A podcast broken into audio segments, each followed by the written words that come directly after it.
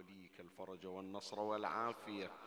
وانصره نصرا عزيزا وافتح له فتحا يسيرا وهب له من لدنك سلطانا نصيرا. رب اشرح لي صدري ويسر لي أمري واحلل عقدة من لساني يفقه قولي. يا كاشف الكرب عن وجه أخيه الحسين. اكشف كربي بجاه أخيك الحسين. نادي عليا مظهر العجائب تجده عونا. لك في النوائب كل هم وغم سينجلي بولايتك يا علي يا علي يا علي يا أبا الغوث أغثني يا فارس الحجاز أدركني بلطفك الخفي ولا تهلكني يا مولاتي يا فاطمة بنت محمد أغيثيني يا سيدتي. صلى الله عليك يا سيدي ويا مولاي يا رسول الله. صلى الله عليك وعلى آلك الطاهرين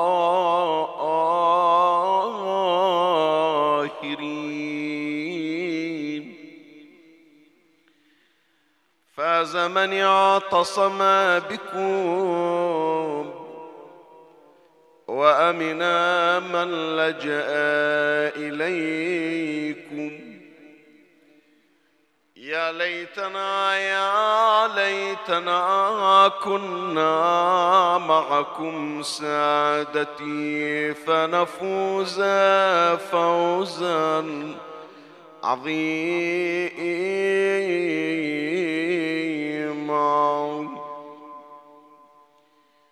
جاء في مناجاة الذاكرين لإمامنا علي بن الحسين زين العابدين عليه السلام. اللهم صل على محمد وآل محمد وعجل فرجهم. إلهي فألهمنا ذكرك في الخلاء والملاء والليل والنهار والإعلان والإسرار. وفي السراء والضراء. وآنسنا بالذكر الخفي واستعملنا بالعمل الزكي والسعي المرضي.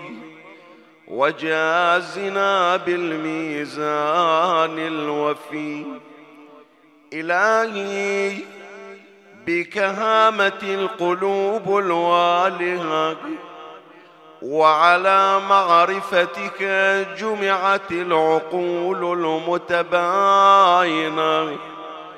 فلا تطمئن القلوب إلا بذكرك ولا تسكن النفوس إلا عند رؤياك. أنت المسبح في كل مكان والمعبود في كل زمان والموجود في كل أوان والمدعو بكل لسان والمعظم في كل جنان. وأستغفرك من كل لذة بغير ذكرك ومن كل راحة بغير أنسك ومن كل سرور بغير قربك ومن كل شغل بغير طاعتك. إلهي أنت قلت وقولك الحق. يا أيها الذين آمنوا اذكروا الله ذكرا كثيرا وسبحوه بكرة وأصيلا. وقلت وقولك الحق. فاذكروني أذكركم. فأمرتنا بذكرك ووعدتنا عليه أن تذكرنا تشريفا لنا وتفخيما وإعظاما وها نحن ذاكروك كما أمرتنا فأنجز لنا ما وعدتنا يا ذاكر الذاكرين ويا أرحم الراحمين وصلى الله على سيدنا ونبينا محمد وآله الطاهرين.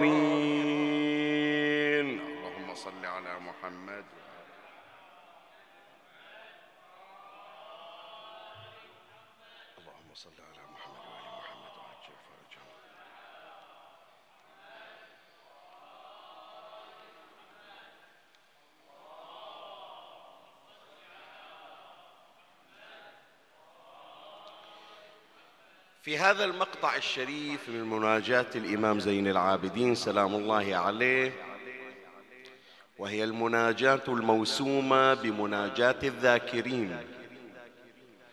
هناك ملاحظات ثلاث أمر عليها تباعا كتمهيد للدخول في صلب بحث هذه الليلة. أما الملاحظة الأولى فإن من نعم الله تبارك وتعالى علينا نعمة إلهام المناجاة والذكر. شوي حط بالك للعنوان. إلهام المناجاة والذكر والدعاء. مرة واحد عند دعاء أو عند مناجاة يعبرون عنها بالدعاء الراتبة. شنو يعني الدعاء الراتبة؟ دعاء الراتبة يعني أنت منتظم في هذا الدعاء. ليلة الجمعة لو ما قريت دعاء كميل لو ما سمعت دعاء كميل مثلا في المساجد يقول ليلة إيش صاير؟ ما قروا دعاء كميل يعني محضر نفسك الليلة أنه تستمع إلى دعاء كميل يوم الجمعة عندك من الأساسيات مو من الأمور الثانوية الهامشية من الأساسيات الضرورية دعاء الندبة ندبة إمامنا الحجة بن الحسن عجل الله فرجه الشريف. هذه يسمونها أدعية راتبة يعني منتظمة. لكن تجيك ساعات بعض الحالات يقذف الله تبارك وتعالى في قلبك ويلهمك دعاء. يعني انت جنابك قاعد ما عندك شغلة كان واحد يقول لك ليش ما تقرأ اليوم هذا الدعاء؟ مرة من المرات تحس بالعجز تحس بضعف الحيلة. أصلا انت افرض ذاك البعيد. خلي أضرب هذا المثال من غير توجيه الخطاب إلى أحد. افرض واحد رايح إلى المستشفى أو صاد مثلا ذاك البعيد حادث في الطريق إلا وياه تصوب إلا وياه تعور بين الموت والحياة. الآن هو صار ما عنده دراية ما الذي يصنع. ما يستحضر الآن كيفية التصرف. يوقف مثل ما يقولون أنه مثل المشدود. وين يروح وين يجي شي يسوي. كل ساعة وجايبين له خبر. دفعة واحدة الله تبارك وتعالى يقذف في قلبه. افتح مفاتيح الجنان. طلع هذا الدعاء. أصلا مو مار عليه. ولا جاي في باله. ويمكن في غير هذه الأزمة ما مر على ذاك الدعاء ولا قرأ. شو اللي استحضر عند هذا الدعاء؟ اقرأ حديث الكساء اقرأ زيارة أمين الله اقرأ مثلا دعاء السيفي اقرأ مثلا كذا. واحد يقول أو يجي لا إنه حاط في باله اسم دعاء أو اسم مناجاة معينة. مرة من المرات أصلا مو في باله ذيك الساعة. لو تسائل عن اسمه ما يتذكر اسمه. لكن كان واحد يقول له افتح مفاتيح الجنان إذا عنده ابلكيشن إذا عنده هذا البرنامج. مثلا فتح الكتاب وإذا يشوف مثلا دعاء لشفاء المريض. دعاء لقضاء الحاجة دعاء لتيسير الأمور. ما مار عليه ولا كان شايف لنا قال خلي أقرأ الدعاء. يقرأ الدعاء فيحصل على الأثر. فهذا الإلهام اللي قال له افتح مفاتيح الجنان أو افتح ضياء الصالحين أو اقرأ هذا الدعاء أو اقرأ هذه المناجات هذا الإلهام نعمة من نعم الله تبارك وتعالى. والروايات تشير إلى أن الله تبارك وتعالى أعد لك الأثر. يعني من قبل لا تفكر أنت بجنابك بالدعاء الله قرر أن يشافيك أو يشافي مريضك. بس يريد هذا الشفاء يربطك بالدعاء. شوف إيش أقول لك؟ الدعاء اللي أصلا أنت ما تدري عنه إجت هذه الحادثة أو اجى هذا المرض أو إجت هذه الشدة أو إجت هذه الأزمة والله ألهمك تقرأ هذا الدعاء. فتشوف تقول أوه ترى تبين هذا الدعاء مجرب ذيك السنة يوم اللي صارت عندنا شدة من قريته الله فرجها تشلب بذاك الدعاء وذيك المناجاة. ولهذا يا إخواني شوفوا خلي أستحضر لك شيء يعني هذا كله من فيوضاتهم صلوات الله عليهم.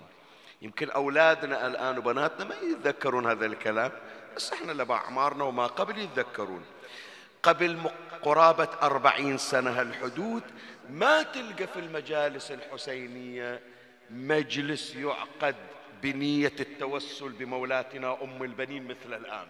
صحيح لو لا؟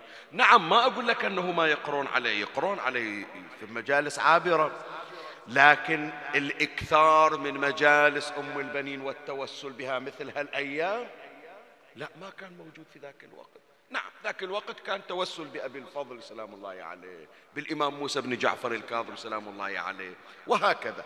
شو اللي أبرز قصة أم البنين والتوسل بأم البنين. يمكن يوم من الأيام الله تبارك وتعالى أراد أن يظهر شأنها أكثر وأكثر. واحد عنده شدة وواحد طايح بأزمة. شي يسوي ما يدري؟ اتذكر أم البنين كان واحد يقول له اقرأ لها فاتحة. قرأ فاتحة قضيت الحاجة. فعلم بأن قراءة الفاتحة لأم البنين مجرب في الحوائج المتعسرة. نقل التجربة غيره هم نفس الشيء جرب التح... القضية. الثالث هم نفس الشيء انتشر. صار الآن ذكر أم البنين عليه السلام يطبق المشارق والمغارب. فإذا يا أحبائي من ضمن النعم نعمة الإلهام للمناجاة وللدعاء ولهذا خلي أقرأ لك الحديث. الحديث عن الإمام موسى بن جعفر الكاظم سلام الله عليه. يقول إمامنا الكاظم عليه السلام لكل داء دواء. فسئل عن ذلك حط بالك فقال لكل داء دعاء. فإذا ألهم المريض الدعاء فقد أذن الله في شفائه. يعني هذا الله ضام لشفاء بس الله ذب بقلبه أو قلوب المقربين اقرأوا هذا الدعاء بتحصلون الشفاء. فهو هم شفي ومو بس شفي وانتهت القضية شفي وصار يعرف أنه من يصير مرض يلجأ إلى هذا الدعاء اللي جربه في المرض. فصار الإلهام من نعم الله تبارك وتعالى. هذه ملاحظة أولى. الملاحظة الثانية في هذا المقطع الشريف الذي قرأناه تعدد موارد الأدعية. إحنا عندنا أدعية محددة في مكان محددة في زمان. ليلة الجمعة نعرف الليلة ليلة دعاء كميل وليلة النصف من شعبان. تمام لولا يوم عرفة عرفنا بأنه في هذا اليوم نقرأ دعاء عرفة للإمام الحسين عليه السلام. فأكو هناك موارد إما زمانية أو مكانية. الدعاء عموما يا إخواني وذكر الله والمناجاة إمامنا زين العابدين عليه السلام في هذه المناجاة يقول لا مو مخصص بمكان نعم يتأكد في مناسبة من المناسبات. لكن الإنسان الموفق الذي لا يقيده ظرف لمناجاة الله تبارك وتعالى. ولهذا شوف الإمام يعبر يقول هناك موارد مكانية. شلون مكانية؟ المكان مرة يكون فاضي حط بالك لا أقول لك الكلمة.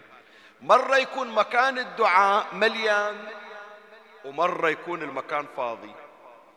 جيت أريد أنا أقرأ دعاء التوسل ليلة الأربعاء. ما حصلت أحد في المسجد ما حصلت أحد بالحسينية قلت ما دام ما موجود أحد خلاص مرة ثانية الأسبوع الجاي لين جت الناس ذيك الساعة إحنا نقرأ الدعاء.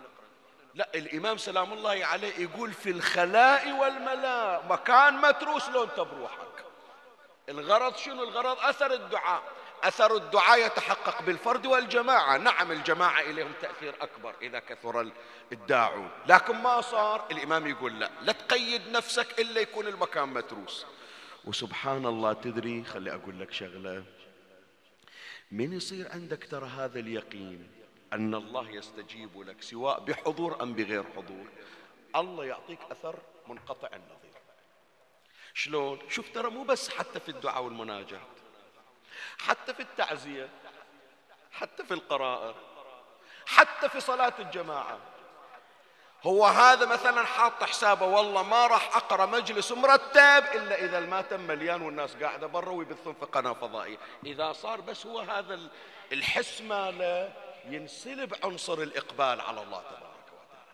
لكن خله يصير عنده عقيدة أنه ما دام أرواح أهل البيت حاضرة والملائكة هذا يكفيني.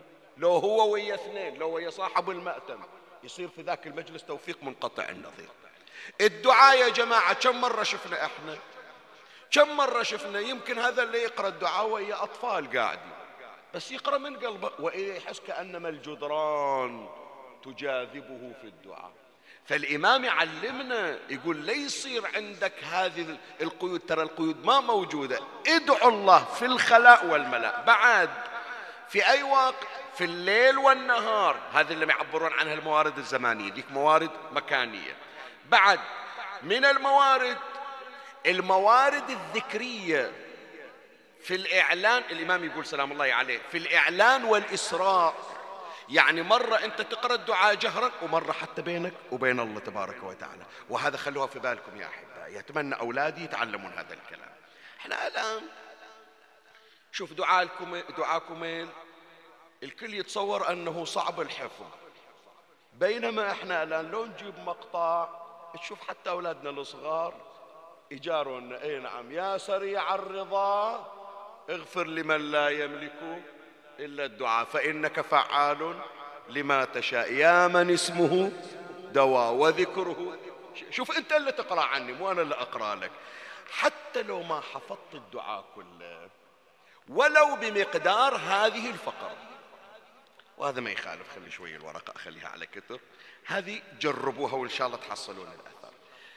آه الله يرحم بعض من أساتذتنا وأحبائنا كانوا يحفظون حديث الكساء تماما. كله من أول الآخرة. زين. الأكثر ما يحفظونه حتى لو ما تحفظ الحديث كله لو تحفظ سطر من الحديث. تسمع إيش أقول لك؟ فقال علي لرسول الله صلى الله عليه وآله يا رسول الله ما لجلوسنا تحت هذا الكساء من الفضل عند الله. فقال رسول الله صلى الله عليه وآله يا علي والذي بعثني بالحق نبيا واصطفاني بالرسالة نجيا ما ذكر خبرنا هذا في محفل. شوف له هالسطر تجيبه بنية الاستشفاء. عندك حاجة متعسرة؟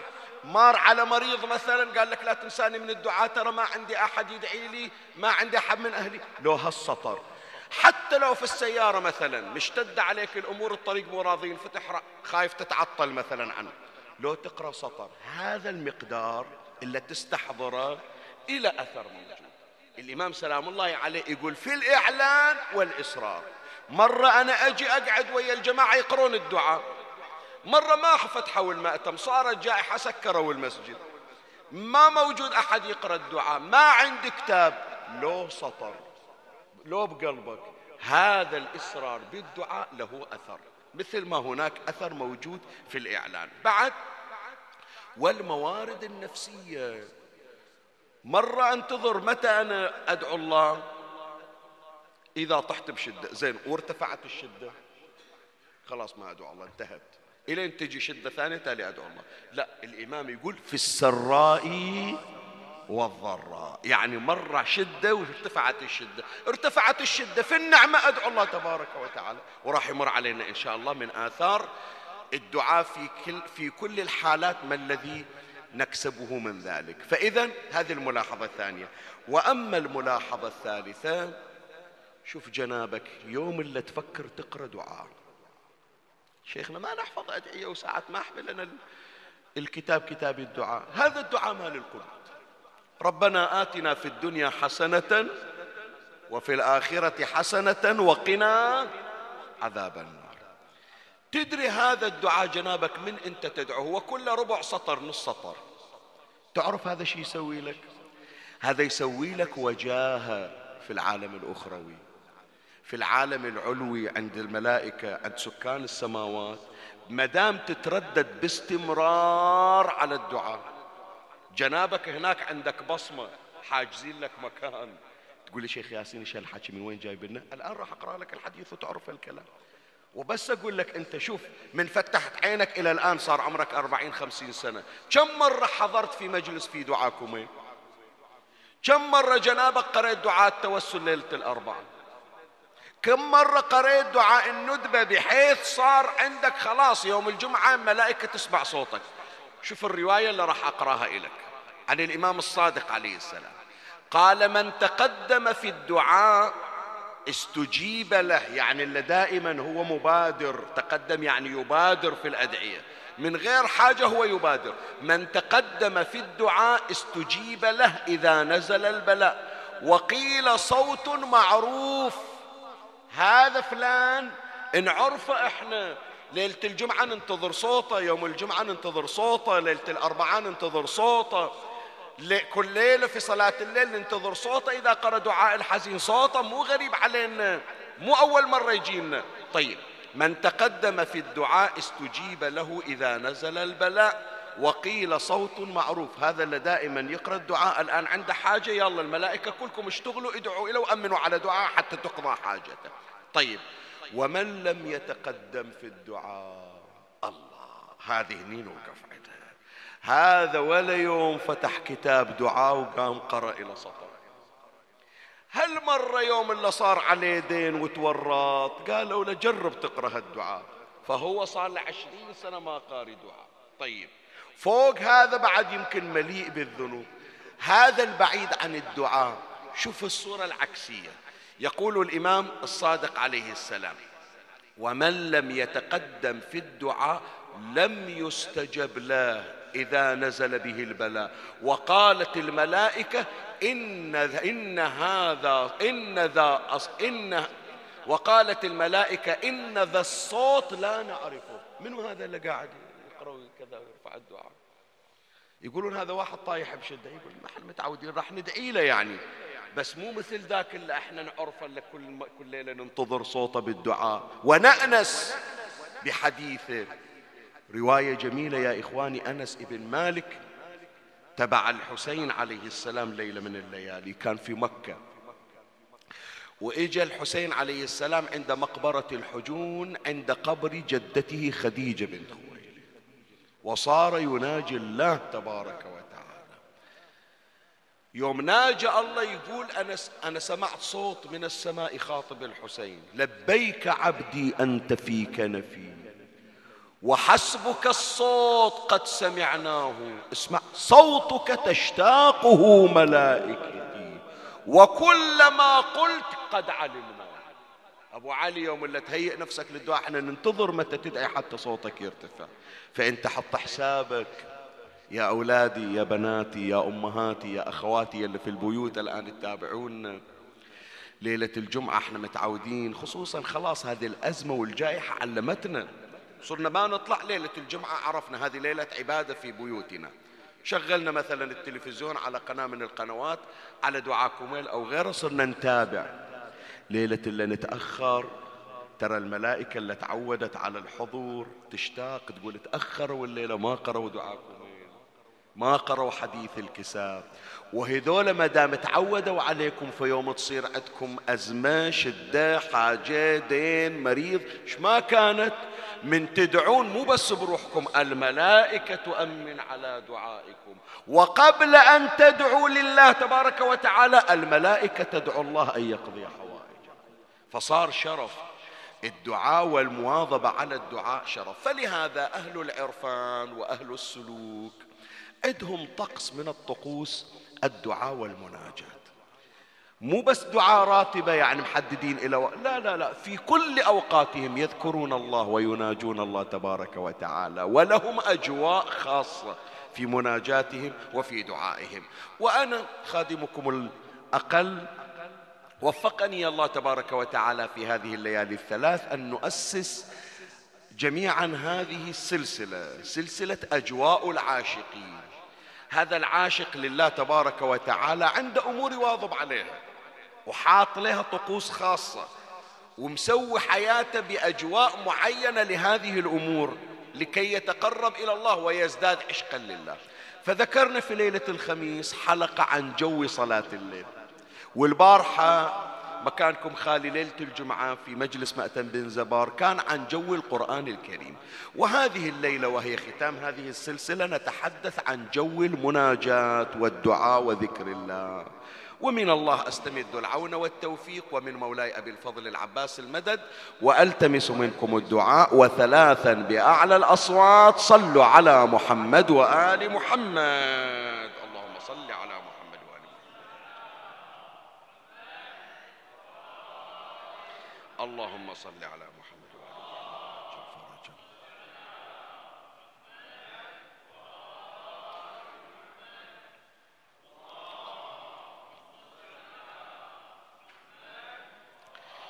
الحديث في حلقة هذه الليلة وهي الحلقة الأخيرة من هذه السلسلة بعنوان جو المناجاة يقع في محطتين نمر عليهما تباعا. أما المحطة الأولى ماذا نكسب؟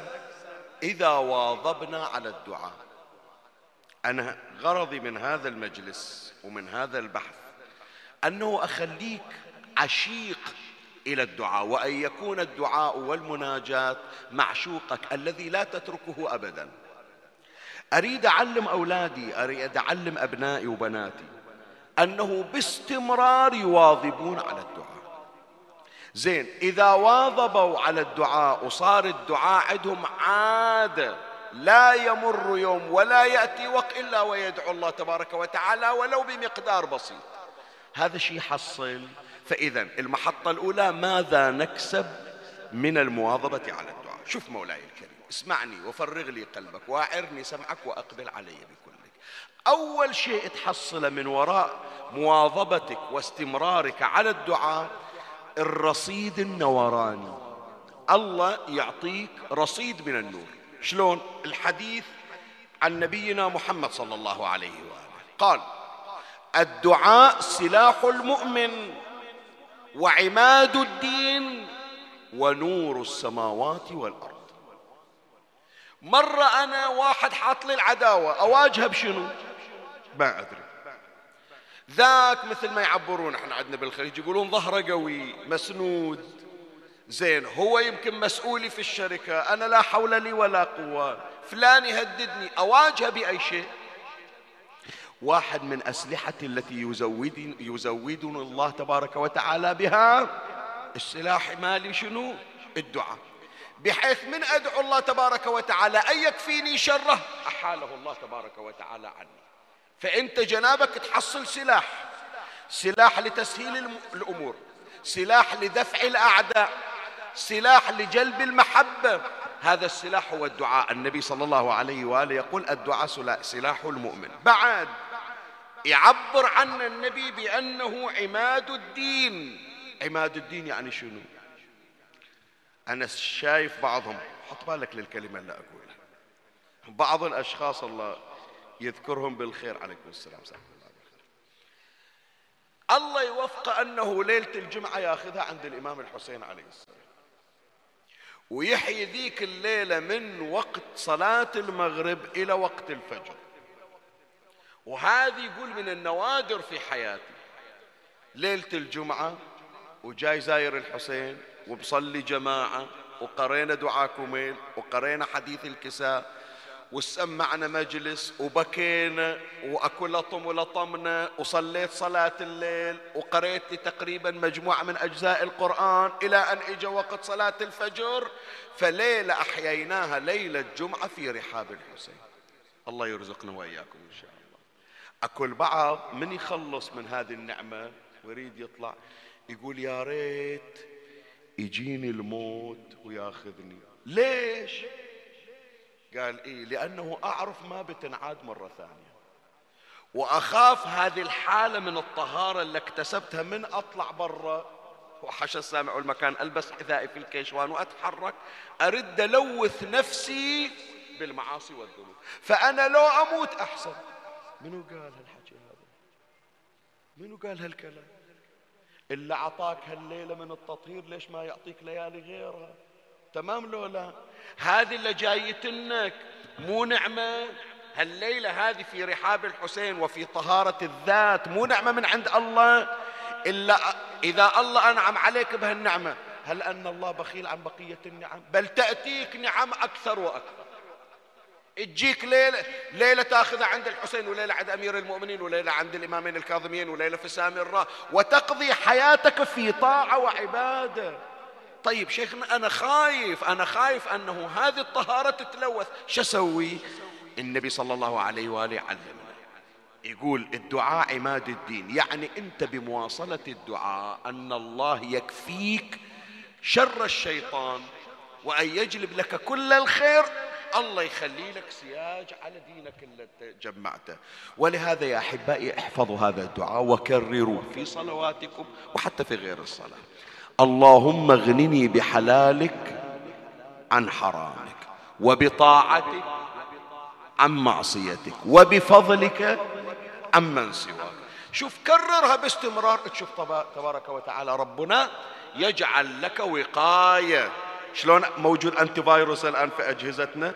هذا الانتي فيروس اللي مال قلوبنا حتى ما تجي فيروسات الذنوب.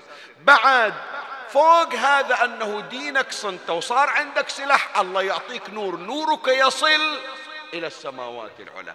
بحيث إذا وفقت أن تذكر الله وتقف وتصف قدميك للصلاة بيتك يضوي بيتك يضوي. شلون ليلة 14 ليلة 15 قاعد تطالع القمر تقول الله إيش حالاته؟ أهل السماء الملائكة ينظرون إلى بيتك مثل القمر ليلة ال 14 يضيء لأهل السماء كما تضيء الكواكب لأهل الأرض. كأن قمر ليلة 14 بس أنت من تواظب على الدعاء. فإذا واحد من الأمور الذي نكسبها من وراء المواظبة على الدعاء الرصيد النوراني. طيب. المكتسب الثاني شوية هذا حط بالك هنا. عندنا شيء يسمونه الحاجة وشيء ثاني يسمونه أرباح الحاجة. شنو الفرق؟ حاجة وأرباح الحاجة. شلون يعني؟ أنا أقول لك. أنا عندي حاجة لكن الحاجة شغلي في ربحها مو شغلي فيها. شلون؟ أنا أقول لك. جبت راس المال وحطيته في شركة والشركة ما جوها زباين. شو استفدت من الشركة أنا؟ أنا ما سويت الشركة وحطيت رأس المال وجبت الموظفين غير أنتظر الربح. لو لا فالحاجة بروحها هي مقدمة للأرباح. لكن مع الأسف يا إخواني إحنا نفكر بس في الحوائج ما نفكر في أرباح الحوائج. شلون؟ أنا أقول لك.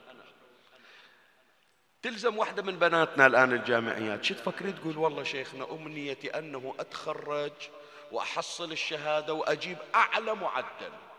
صحيح؟ زين. ليش؟ قالت حتى أتوظف بالشهادة. فطلبها شنو؟ أنه أحصل الشهادة بتفوق ونجاح. حصلت الشهادة لكن ما توظفت. حصلت الحاجة لكن ما حصلت. صحيح؟ زين. هذا اللي يقول أنا بس أمنيتي أنه أتزوج فلانة أو هي تقول أتزوج فلان. يوم اللي أتزوج فلانة تاليها صارت زوجة بذيئة سيئة. قلبت سعادته إلى شقاء. إيش فائدة الحاجة؟ زين تزوجته وتالي وتالي عقب الزواج. أنت حصلت الحاجة لكن ما حصلت الربح صار له 15 سنة يطرق أبواب المستشفيات. ليش؟ كان أحصل واحد يسوي لي عملية تلقيح صناعي حتى أحصل ولد. كل ربعي عندهم أولاد بس أنا ما عندي أولاد. بس الله عطاني الولد. يوم جا الولد إلا ما ظل الباب إلا دقة. طلع الولد عاق. طلع الولد مأذي أبويه. فالحاجة حصلها لكن الربح ما حصلها وأما الغلام فكان أبواه مؤمنين فخشينا أن يرهقهما شنو؟ طغيانا وكفرا. هو الولد الآن مستانسين لأنه بعده ثلاث سنين من كبر شوية. شيب مسكين قبل الأوان هذا الآب وجته الضغط وجاه السكر الأم من غير سبب إلا هذا الولد العاق. فحاجة الولد تحققت لكن ربح الولد ما تحقق. وعلى مثل هذه فقس ما سواها. أحلام شنو؟ أحلامه يحصل البيت. ما مر أنت في الشارع وشايف الإعلانات؟ منزل الأحلام. نساعدك شلون تحصل البيت بيت اللي تحلم به بنى البيت.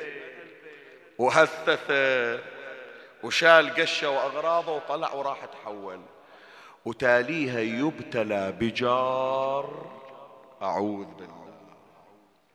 أنا أذكر يا جماعة هذا الكلام قبل الآن يعني يعني 25 27 سنة إذا مو أكثر.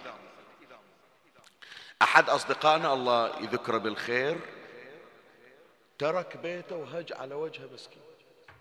ساكن بيت بيت بيت ساكن هو ويا عائلته فيه. خلى البيت وترك المنطقة وطلع. فأنا من شفته قلت له فلان شو البيت خليته؟ قال شيخنا إيش أقول لك. جارنا الباب لزيق بالباب. والعياذ بالله. يأتي ثملا سكرانا يسهر ليلته ويجي الصبح. من يجي حواس ما عنده ما يندل دربه. يبطل الباب ويطب على بيتنا على حريمي على أنا ماشي. رايح الوظيفة.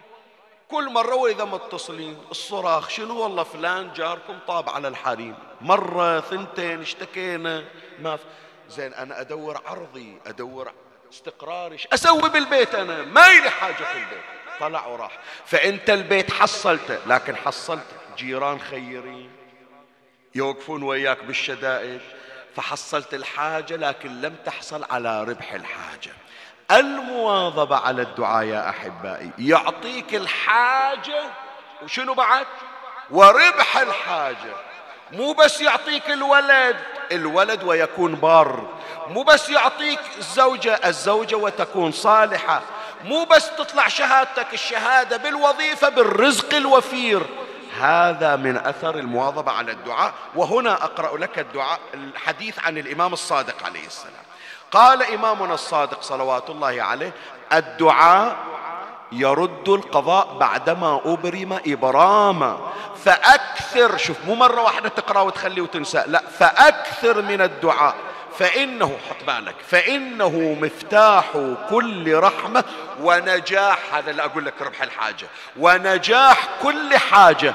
ولا ينال ما عند الله إلا بالدعاء. وليس باب يكثر يكثر قرعه إلا يوشك أن يفتح لصاحبه. نجاح الحاجة. فأنت فكر في الحاجة وربح الحاجة اللي يعبر عن الحديث بالحاجة ونجاح الحاجة. من تواظب على الدعاء حاجتك تقضى وأرباح الحوائج هم تحصلها. هذا مما تكسبه مما تكسبه من المواظبة على الدعاء. بعد من ضمن ما نكسبه إذا واظبنا على الدعاء. هذا العنوان يسمونه استرجاع النعم المفقودة شلون؟ مرة يعني الآن يمكن أبنائنا أبنائنا يمكن ما عاشوا الألم اللي عاشوا فيه الكبار. إلا الآن صار لهم قرابة أربعين خمسين سنة ستين سنة. هذول عندهم ألم غير محسوس عند الأجيال الجديدة عند البراعم. شلون؟ شوف اقعد ويا الآباء اقعد ويا الأمهات. من يسولفون عن العهد القديم؟ يقولون والله إيش أقول لك؟ عشنا في زمن مع الفقر كل واحد شايل الثاني. ما عندنا شيء ما نشوف وإذا الجيران من غير شيء من غير ما نطلب ومن غير ما نقول. مثل ما يخبرني أستاذي الله يرحمه يقول مر زمن إحنا شفناه. هذول آبائنا وأجدادنا يا إخواني الأول شغلتهم شغل يعني أعمال حرفية. كان مزارع كان بحار يبحار كان جزاف. فيوم اللي يمرض وما يطلع يشتغل. ذاك اليوم ما ما أكلوا. إذا هو اللي على رزقه إذا عنده حضرة وما طلع راح. وإذا زراعته واليوم ما راح لا حش ولا باع. وتمرض يومين ثلاثة أسبوع. من وين ياكل؟ هذا مو معاش ينزل إلى ولا تقاعد. تمام؟ شوف البركة يا إخواني.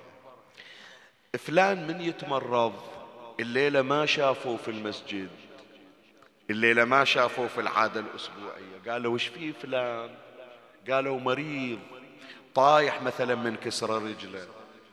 كل الجماعة خلصوا من المسجد طلعوا قالوا خلنا نروح نمر على فلان. خلصوا من مجلس التعزية قالوا قوموا نروح نسير على فلان نشوف شنو وضعه. زين هذه كانت موجودة في بعض المناطق. شوف البركة المفقودة. يجون يزورونا قبل لا يطبون البيت. يا جماعة ترى فلان يومين ما اشتغل يعني حتما ما عنده شيء. فما يدخلون بإيد خلية. لا. شو يسوون؟ اللي عنده عشرين فلس خمسة وعشرين فلس ذاك الوقت يجمعون إلى مبلغ ويعطونه واحد. ويجون إلى وإذا هو على فراشه يقعدون داير مدار واحد من القاعدين يحكي وياه بحيث يندار صوبه. من هالصوب ما يدري إيش صاير. الثاني ياخذ المبلغ يحطه تحت المخدة. يا الله فلان ما تشوف شر ما تشوف شر في أمان الله. شاء الله نشوفك. عقب ليلة ليلتين. من يطلع نص الليل تجي أم العيال تعدل الفراش وإذا المبلغ محطوط. منو حطه منو جابه ما حد يدري. بركة لو مو بركة. هذا الإحساس يا جماعة أنت لا تقول لي كم حطوا. أقول لك هالشعور هذا. الله يقذف البركة على البلد. بينما ما أقول الآن لا موجود لو خلية خربت بس اكو هناك الان عناصر يمكن الولد ما يدري عن ابوه ما يدري عن امه ما يدري عن اخوانه ما يدري عن ارحامه ما يدري عن جيرانه وكل واحد ما يدري عن الآخر. فإحنا لما نتذكر هالنعم المفقودة شيخنا ذيك الأيام متى ترجع؟ راح ذاك الزمن. لا حتى ترجع النعمة التي فقدت شلون ترجع؟ ترجع بمواظبة الدعاء. شلون شيخنا؟ شي يرجع ذاك الزمن تحكي عن ستينات وعن سبعينات. أنا أقول لك حينما يوم من الأيام نقعد في مجلس ونقرر نقول نريد نقرأ دعاء بنية الله تبارك وتعالى يحفظ لنا إيماننا ويعيد علينا أخلاقنا التي اكتسبناها من محمد وآل محمد صلوات الله عليهم.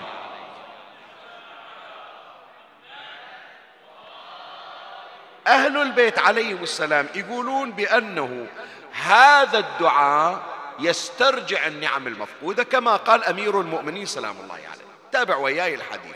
قال ما زالت نعمة ولا نضارة عيش إلا بذنوب اجترحوا. إن الله ليس بظلام للعبيد. ولو أنهم استقبلوا ذلك بالدعاء والإنابة لم تنزل يعني لو من تنزل مصيبة دعوت الله تبارك وتعالى كان أصلا المصيبة ما نزلت. ولو أنهم شاهدي ولو أنهم إذا نزلت بهم النقم وزالت عنهم النعم فزعوا إلى الله بصدق من نياتهم. ولم يهنوا ولم يسرفوا لأصلح الله لهم كل فاسد ولرد عليهم كل صالح. القلوب ترجع طاهرة مثل السابق. الأبناء يرجعون يحترمون الآباء الجيران يرجعون يتآلفون مع الجيران الأرحام يرجعون يتواصلون مع الأرحام. يعم الخير ببركة المواظبة على الدعاء. هذه من ضمن ما نكسبه إذا واظبنا على الدعاء. بعد المكسب الرابع والأخير حتى نختم من هذه المحطة. جنابك إذا واظبت على الدعاء رزقك الله الدرع الواقي. جنابك الآن تفكر في التلقيح والتطعيم اللي يدفع عنك فيروسات مقبلة.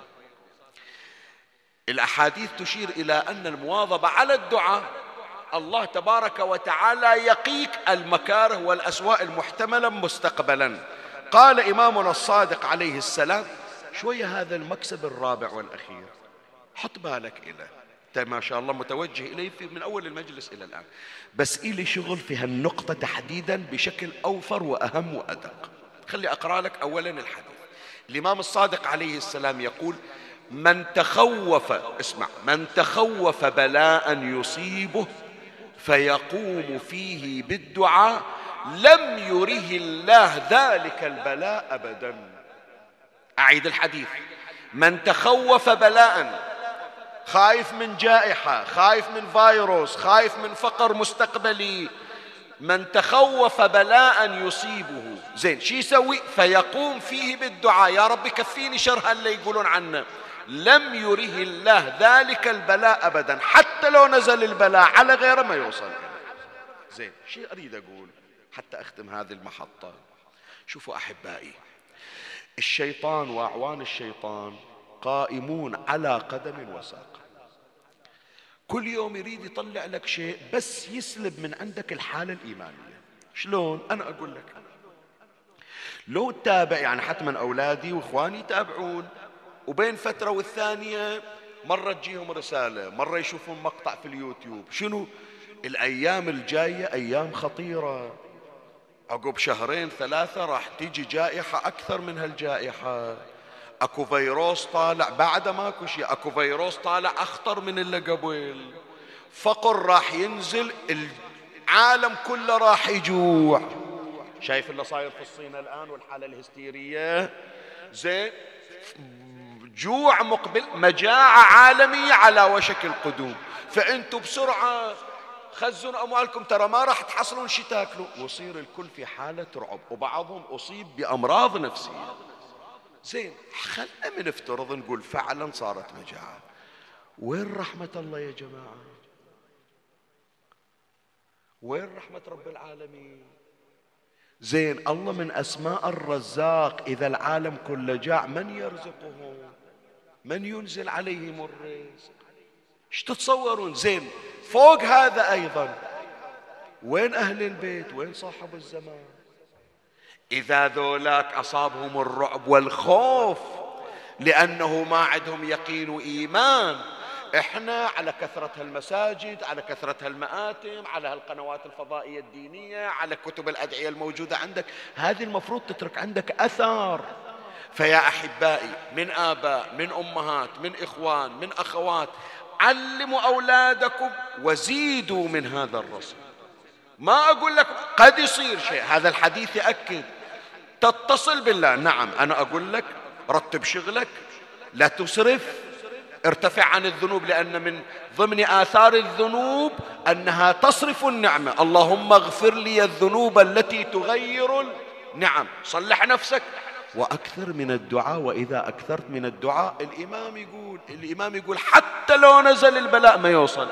لأن يقينك بالله ومن كان يقينه بالله كفاه الله البلاء والأسواء هالشكل مطلوب من عندنا يا إخواني. أريد هذا تخلونا مو بآذانكم الإذن يمكن تنسد. لا بالعقول بالقلوب. إحنا نعتقد بالله ونعتقد بسادتنا محمد وآل محمد صلوات الله عليهم.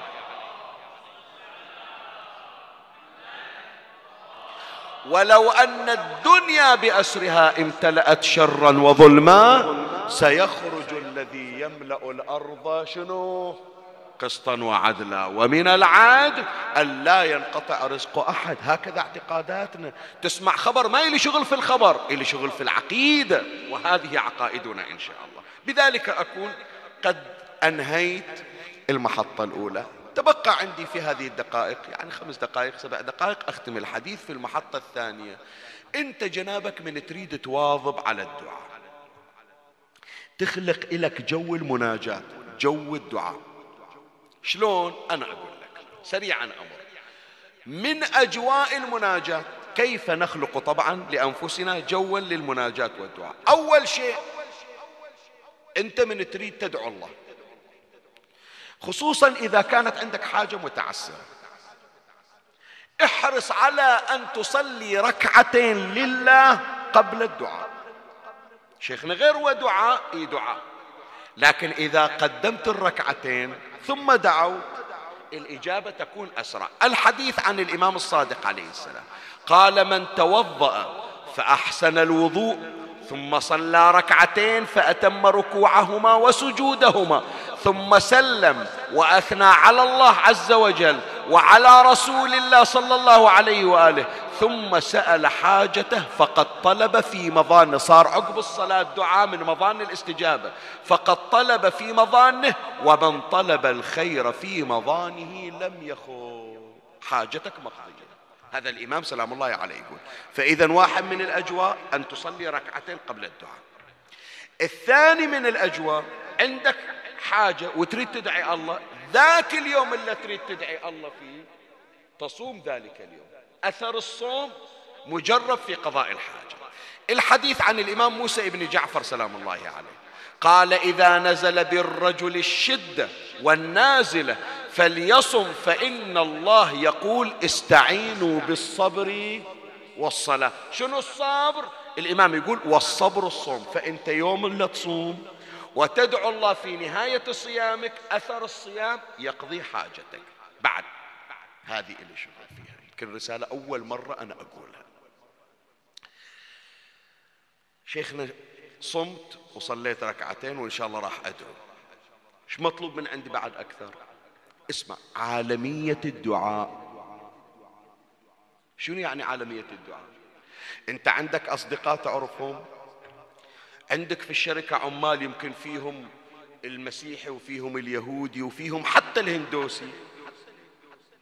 يوم اللي تصير عندك حاجة اطلب من كل الناس حتى ولو اختلفت معهم في الدين أن يدعوا لك.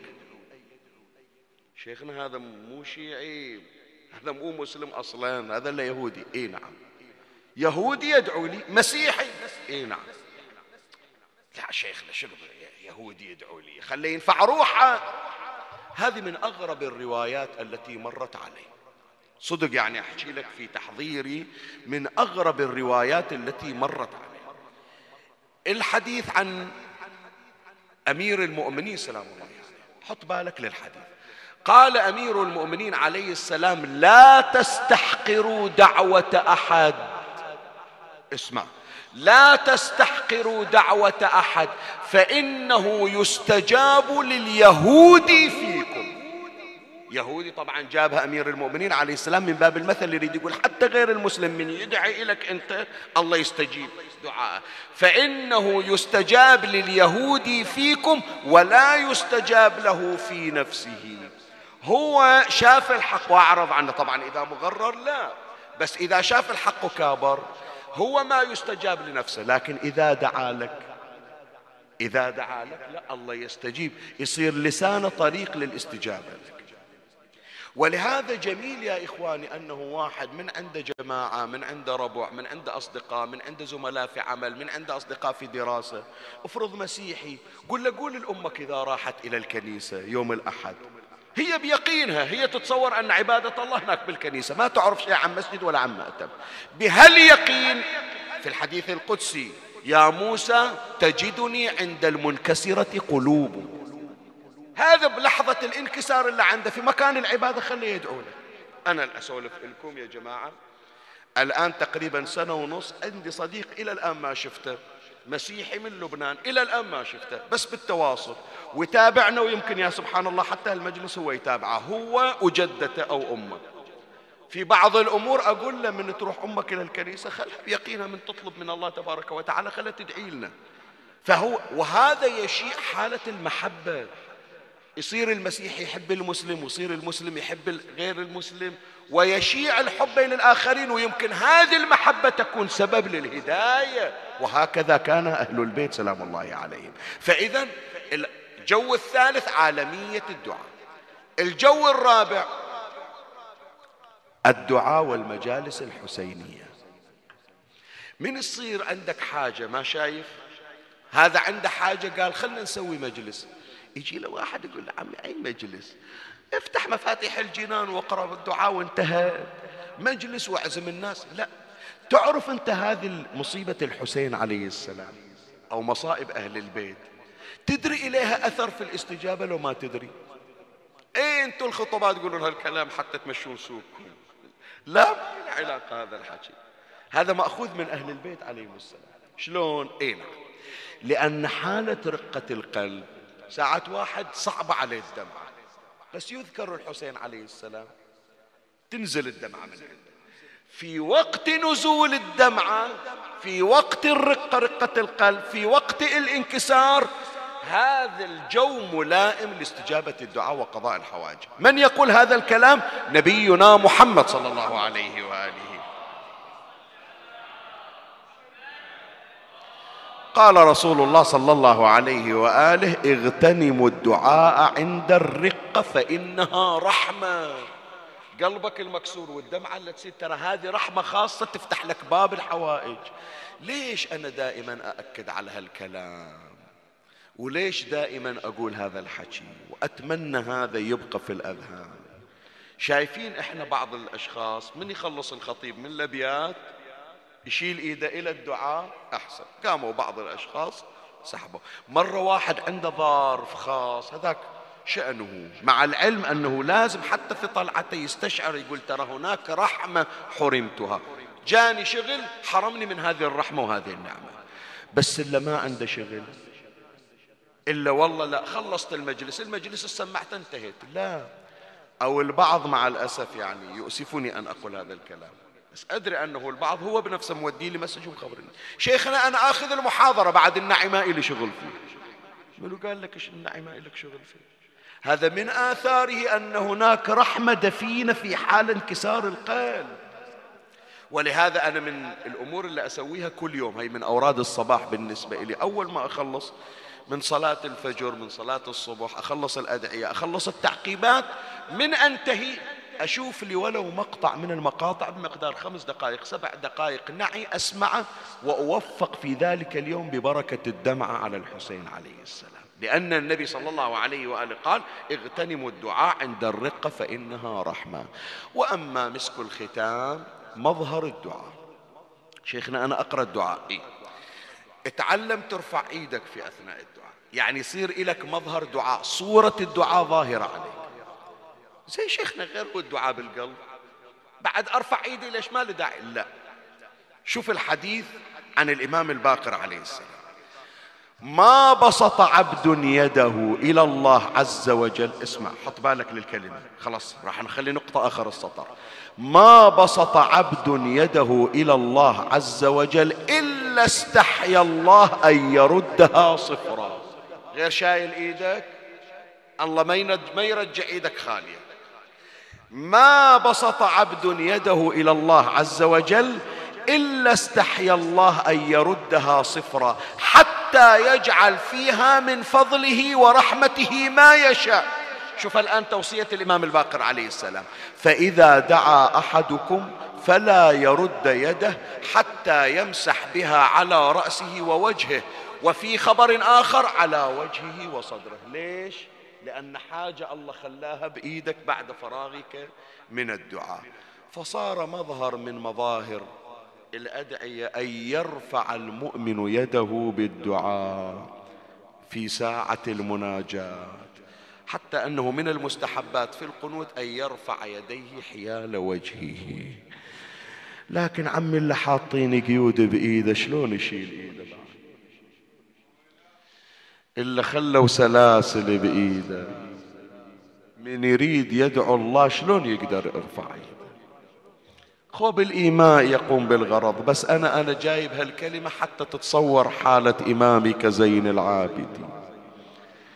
ما أدري يعني جنابكم تصور هذا التساؤل صار ببالك يوم من الأيام لولا الإمام من يوم 11 اسمعني من يوم 11 إلى اثنين صفر. كم يوم؟ عشرين يوم تصير؟ في هالمسافة القيود ما رفعت عن زين العابدين ما رفعت. وين؟ قال شدوا يديه إلى عنقه. يوم اثنين صفر. من طببوه المجلس. والتفت إلى يزيد. قال يزيد ما ظنك بجدنا رسول الله؟ لو رآنا على هذه الحالة. فأمر يزيد بالقيود فقطعت وأخذ مبردا وأخذ يبرد الجامع من عنق زين العابدين فجنابك من ترفع إيدك في يوم من الأيام للدعاء. اتذكر الإمام زين العابدين تقول أنا شايل إيدي ورافع عنها إلى السماء. زين العابدين كيف كان يرفع يده؟ غلوا يديه. وقيدوا رجليه وازدحموا عليه وهو لا يتكلم. يلا خليها ليلة نياحة. رقة القلب هذه تكون مؤثرة لاستجابة الدعاء. ما لي أراك. ودمع عينك جامد أو ما سمعت بمحنة سجادي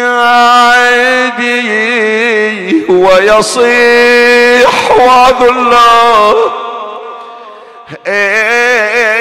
عين عشيرتي وسرعة قومي أين وداع يا غادي لحن لحن عليل مثل حنة النيب.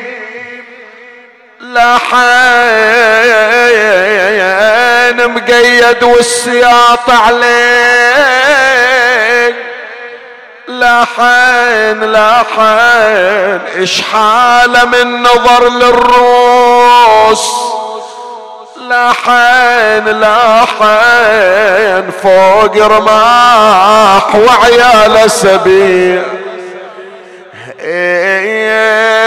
فوق رماح وعيال يا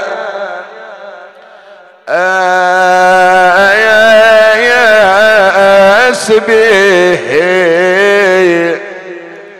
إلى المرضى إلى المرضى نقراها. علي الكربلة هذا. ينشد قلب انجرح ما أدري شلون. ينشد على الجبريل لا باللوح. ينشد ينشد كل المجلس خليه يصيح. ينشد ما شفنا عليل بحبل ينشد بس شفنا عليل الغاضري الونة إلك. إيه بس شفنا عليل الغاية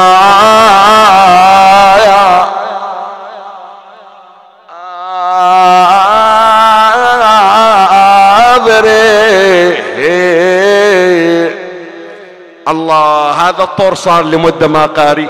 طور آبائنا وأجدادنا قدين ما لقوا قدين ما وقيد ثقيل وجامعة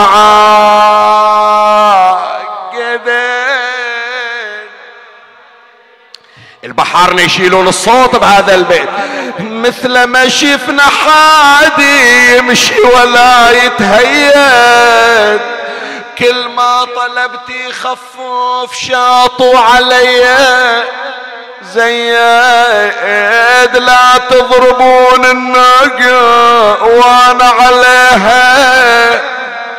مقيد ويا يقرأ قيد ثقيل وجامعه أحسن. قيد يحز بساقي وقيد يحز متوني. وأنا عليل وصابر ويش لكم تقيدوني؟ كل ما طلبت الخفة منكم ثقل زتوني. ارفع صوتك قيد ثقيل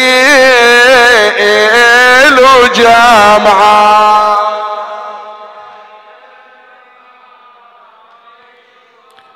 قيد أكل من لحمي وقيد شرب من دمي. وين أخويا الأكبر بدر الكمال التمي وين الشفي يا والدي؟ وين الشفي يا عمي؟ قيد ثقيل وجامعة وقيد ما أنا شاقول لو رحت المدينة وقالوا أبوك حسين وين أقلهم أبويا ذاب حينه بالخيل صدره مكسر ويصيح واذ الله أين عشيرتي؟ وسرات قومي أين أهل ودادي؟ منهم خلت تلك الديار وبعدهم نعب الغراب بفرقتي وبعادي اللهم صل على محمد وآل محمد. يا من يملك حوائج السائلين ويعلم ضمير الصامتين لكل مسألة منك سمع حاضر وجواب عتيد اللهم ومواعيدك الصادقة وأياديك الفاضلة ورحمتك الواسعة. فأسألك أن تصلي على محمد وآل محمد وأن تقضي حوائجنا للدنيا والآخرة. قدموا حوائجكم يا إخواني. أسألكم الدعاء لمن سألون الدعاء من المؤمنين في البحرين وخارج البحرين. اسألوا الله لهم في قضاء الحاجة وشفاء المرضى والفرج العاجل إن شاء الله لنا ولهم. اللهم اقض حوائجنا وحوائجهم. اللهم اشف مرضانا وأمراضنا ومرضاهم. اللهم فرج عنا وعنهم وعن سائر المؤمنين جميعا أينما كانوا. المؤسسون تقبل اللهم أعمالهم بحسن القبول.